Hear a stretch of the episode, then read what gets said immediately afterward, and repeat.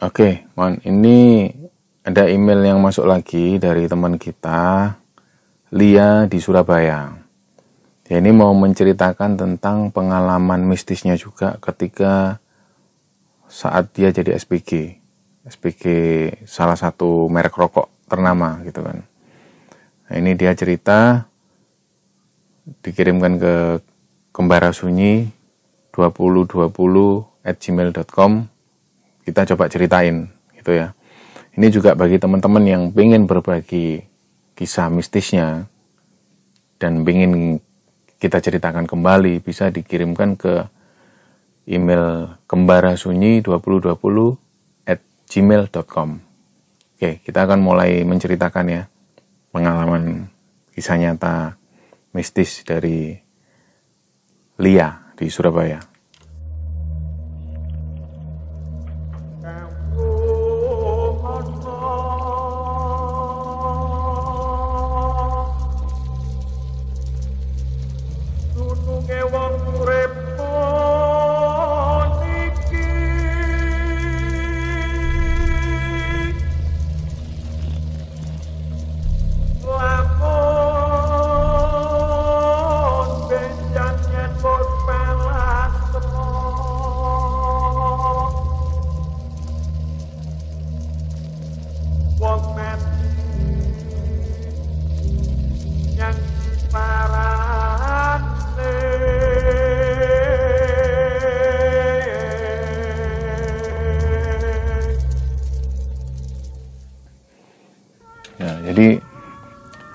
Lia ini profesinya dulu sebagai SPG, SPG rokok gitu kan. Satu hari dia punya, mereka punya event, event musik yang disponsori oleh produk rokok ternama di Jawa Timur gitu. Nah, Lia ini adalah SPG dari Surabaya. Satu tim terdiri dari tiga orang dan satu orang tim leader cowok maksudnya. Ya. dari tiga SPG dan satu cowok. Ini terbagi satu tim. Dua tim berangkat dari Surabaya. Jadi ada 8 orang. Ada dua mobil berangkat menuju ke kota Kediri. Nah karena vendor waktu itu vendornya memilih low budget supaya budgetnya nggak bengkak di penginapan. Karena eventnya empat hari Eventnya dimulai dari hari Kamis, Jumat, Sabtu, dan Minggu. Minggu ini adalah acara puncaknya gitu kan. Nah, hari Kamis, Jumat, Sabtu ini mereka fokus ke penjualan produk rokoknya di jalan. Mereka berangkat hari Rabu. Hari Rabu sore mereka berangkat menuju ke Kediri. Nah, sampailah dia masuk ke sebuah desa.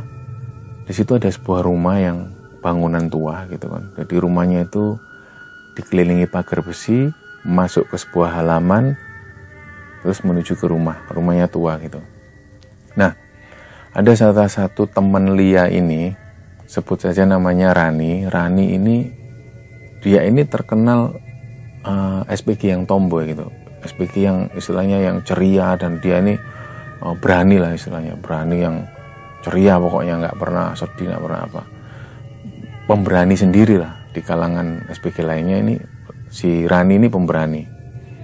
Begitu rombongan nyampe di rumah yang disewa ini, yang tua ini tadi, si Rani ini tiba-tiba nggak mau masuk gitu loh.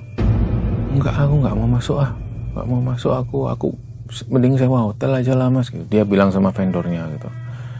Ya jangan, kita nggak ada dana lagi gitu loh. Kita itu nyewa rumah ini karena irit enggak mas. Rumahnya serem lihatnya enggak mas. Katanya rumahnya itu dua lantai bangunan tua enggak terawat dan masih ada barang-barang di dalam barang-barang pemiliknya gitu loh. Si nama Rani ini memang enggak mau masuk gitu loh. Sampai dia ini nangis pengen pulang. Mas kalau kayak gini aku udah lah mas. Nggak ikut event aja lah. Aku takut banget mas. Nangis nangis minta pulang gitu. Akhirnya ditenangkan sama teman-temannya. Udah laran kan berapa hari kita tidur bareng-bareng aja lah. Nggak usah tidur di kamar. Kita pilih kamar yang paling besar kita tidur di situ semua. Biar kita rame-rame gitu loh. Akhirnya ditenangin ditenangin akhirnya mau kan Rani? Masuklah mereka. Masuk gitu kan ada pohon-pohon kamboja gitu. Jadi masuk pekarangan ini ada pohon-pohon kamboja mirip kayak kuburan mirip kayak makam.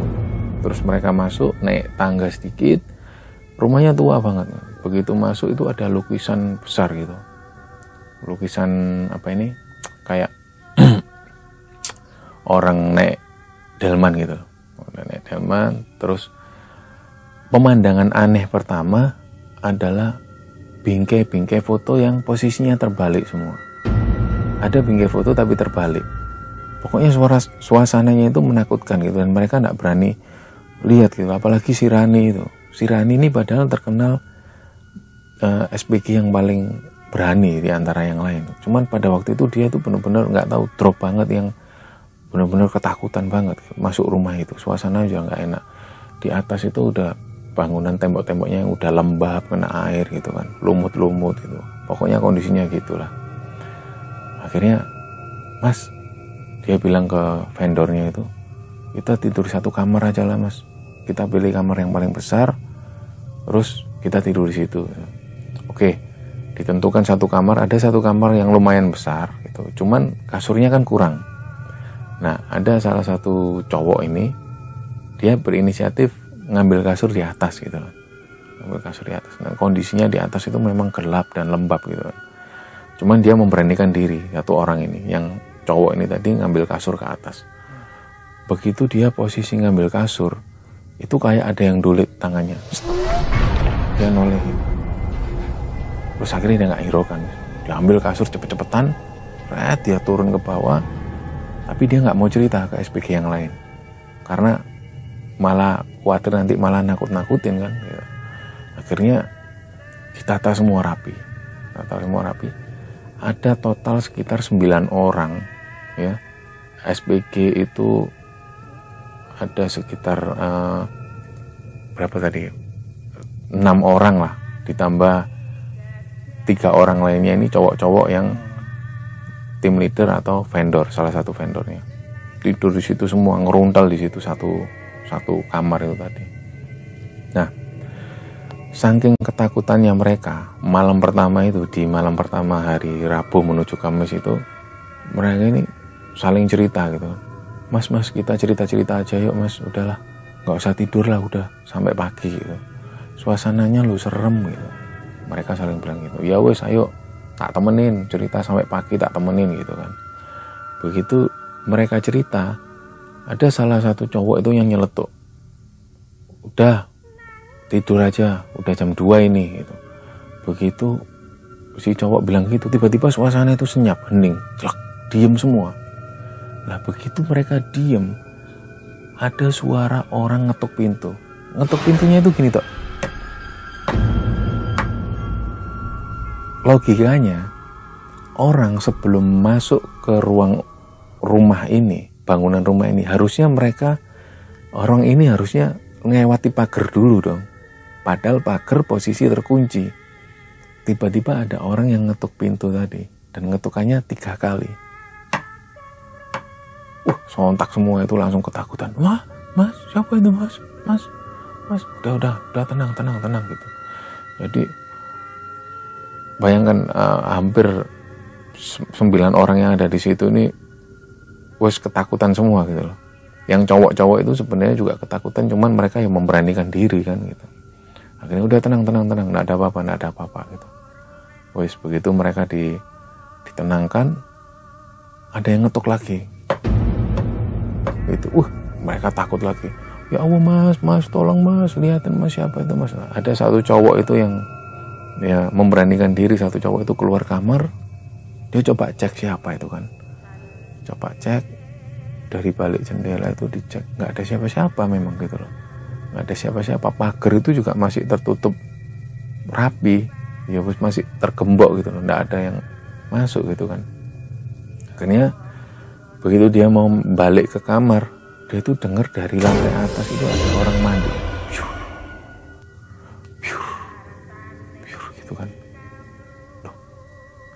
jam segini masa ada yang berani mau naik ke atas gitu kan? Padahal mereka ini takut semua kan. Begitu dibuka kamar ya lengkap. Orang-orang masih lengkap dengan ketakutan gitu. Mas siapa tadi? Mas siapa? Mas Gono oh udah nggak apa-apa. Tapi dia nggak cerita kalau di atas itu ada yang kayak emang mandi gitu. Nggak cerita dia. Udah nggak cerita. Nah terus ada yang kebelet pipis kan gitu. Mas aku sebenarnya itu belet pipis loh mas dari tadi. Mas cuma tak tahan gitu loh. Aku takut ya ngono lo ngapain? Jangan diempot nanti kalau ngompol gimana gitu. Wes ayo rame-rame aja ke toilet. Siapa yang mau pipis? Aku mas aku mas. Ternyata ini banyak yang ini nahan pipis gitu loh. Wes ayo ayo mereka keluar rame-rame. Keluar dari kamar gitu.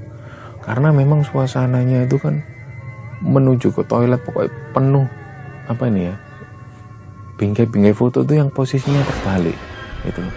Aneh banget gitu loh posisinya terbalik. Dan ada satu foto yang kalau kita melihat dari sudut mata kalau kita lewat mau ke toilet ya posisinya kalau mau ke toilet itu ini ada foto nih foto besar gitu. Kalau kita lihat dari uh, pucuk mata itu ngelihat itu kayak berubah kuntilanak gitu pakai pakaian putih.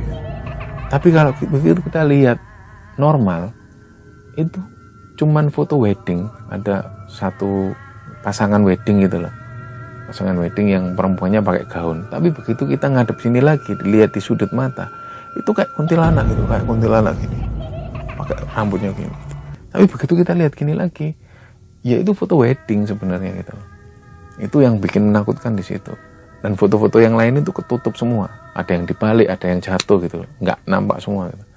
jadi mereka itu sambil antri di toilet itu sambil ketakutan nggak berani lihat foto gitu. Nggak berani lihat foto lihat nunduk semua gitu terus begitu selesai masuk kan masuk ke kamar itu terus tiba-tiba itu tahu ya uh, jendela kan jendela itu kan jendela kayu yang besar-besar waktu itu jadi trap-trapan itu modelnya trap-trapan itu jadi kalau di di goyang kayu tuh tak tak tak tak tak tak tak tak tak, tak gitu loh nah malam itu ini malam pertama mas Ian itu tak tak tak tak tak, tak kayak ada orang yang mainan kayu di di gini lah tak tak tak tak tak. Tak uh jerit semua cewek-cewek ya Allah mas apa itu mas?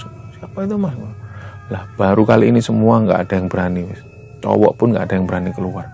Uh jadi gerumbul semua set kumpul semua jadi satu nggak ada yang tidur. Sampai pagi. Paginya mereka kan event ya sambil ngantuk gitu kan. Mereka nawarkan rokok itu. Jadi SPG kan SPG rokok ya hari Kamis itu. Nawarkan rokok terus sambil posisi ngantuk gitu. Sambil si cewek-cewek ini tetap kepingin nggak tidur di situ lagi gitu loh. Mas ayo kita sewa hotel aja lah mas. Sewa losmen atau apalah jangan di rumah itu. Lo gimana lagi? Anggarannya udah nggak ada. Itu kemarin udah dibayarkan di rumah itu yang paling murah. Anggarannya itu nggak cukup gitu loh. Jadi ya mau nggak mau kan? Wes mas pulangnya malam aja ya mas ya jangan terlalu lama lah di rumah itu. Kita bikin capek di jalan biar supaya nyampe rumah kita langsung tidur gitu. Ya wes lah gitu. Akhirnya mereka jalan-jalan dulu kan. Begitu event uh, selesai kerja habis maghrib kan mereka kan free. Makan-makan jalan-jalan pulang jam 10 supaya capek gitu kan. Jam 10 masuk desa itu lagi menuju rumah itu lagi. Wes suasana wes tegang lagi. Masuk. Begitu masuk kamar itu tetap juga nggak ngantuk-ngantuk gitu loh.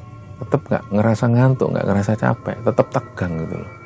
Jadi diceritakan di situ itu si Lia dan teman-teman ini yang teman-teman SPG itu juga saling tegang gitu saling lihat gini.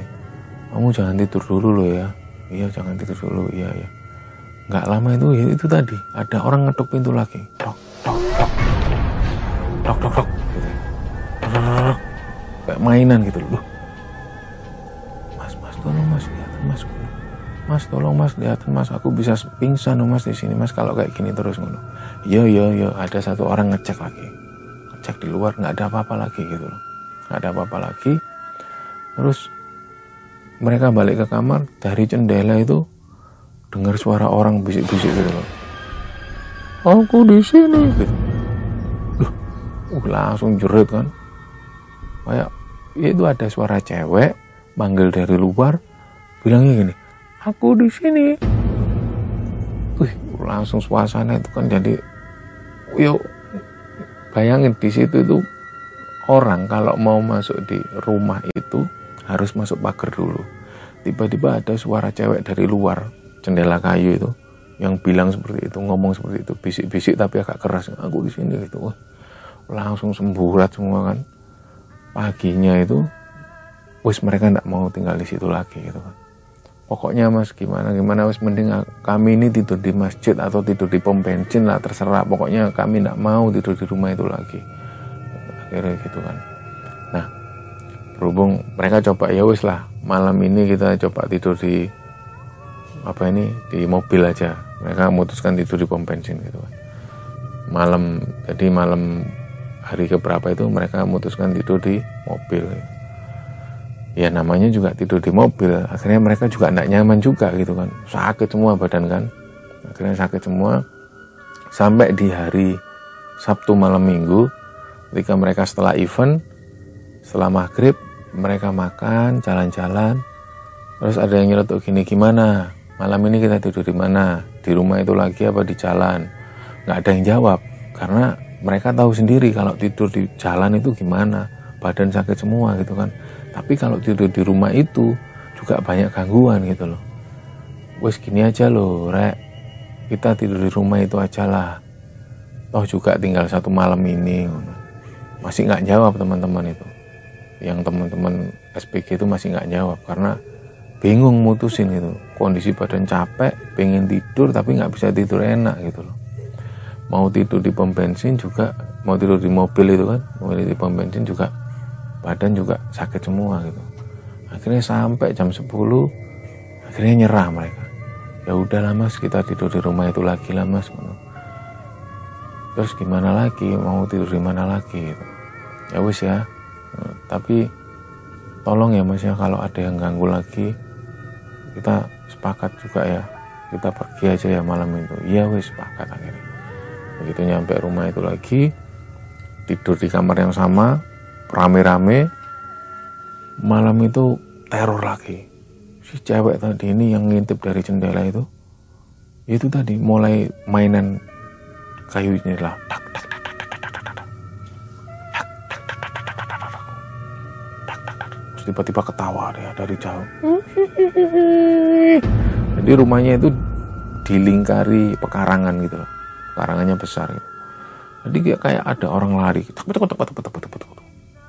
memutari bangunan rumah itu jadi namanya SPG itu diceritakan dia itu dia itu sampai matanya itu sampai kehitaman saking kurang tidurnya gitu loh jadi saking mereka setiap malam di situ mulai dari malam pertama sampai malam terakhir itu diganggu terus sampai akhirnya mereka itu wis pasrah gitu.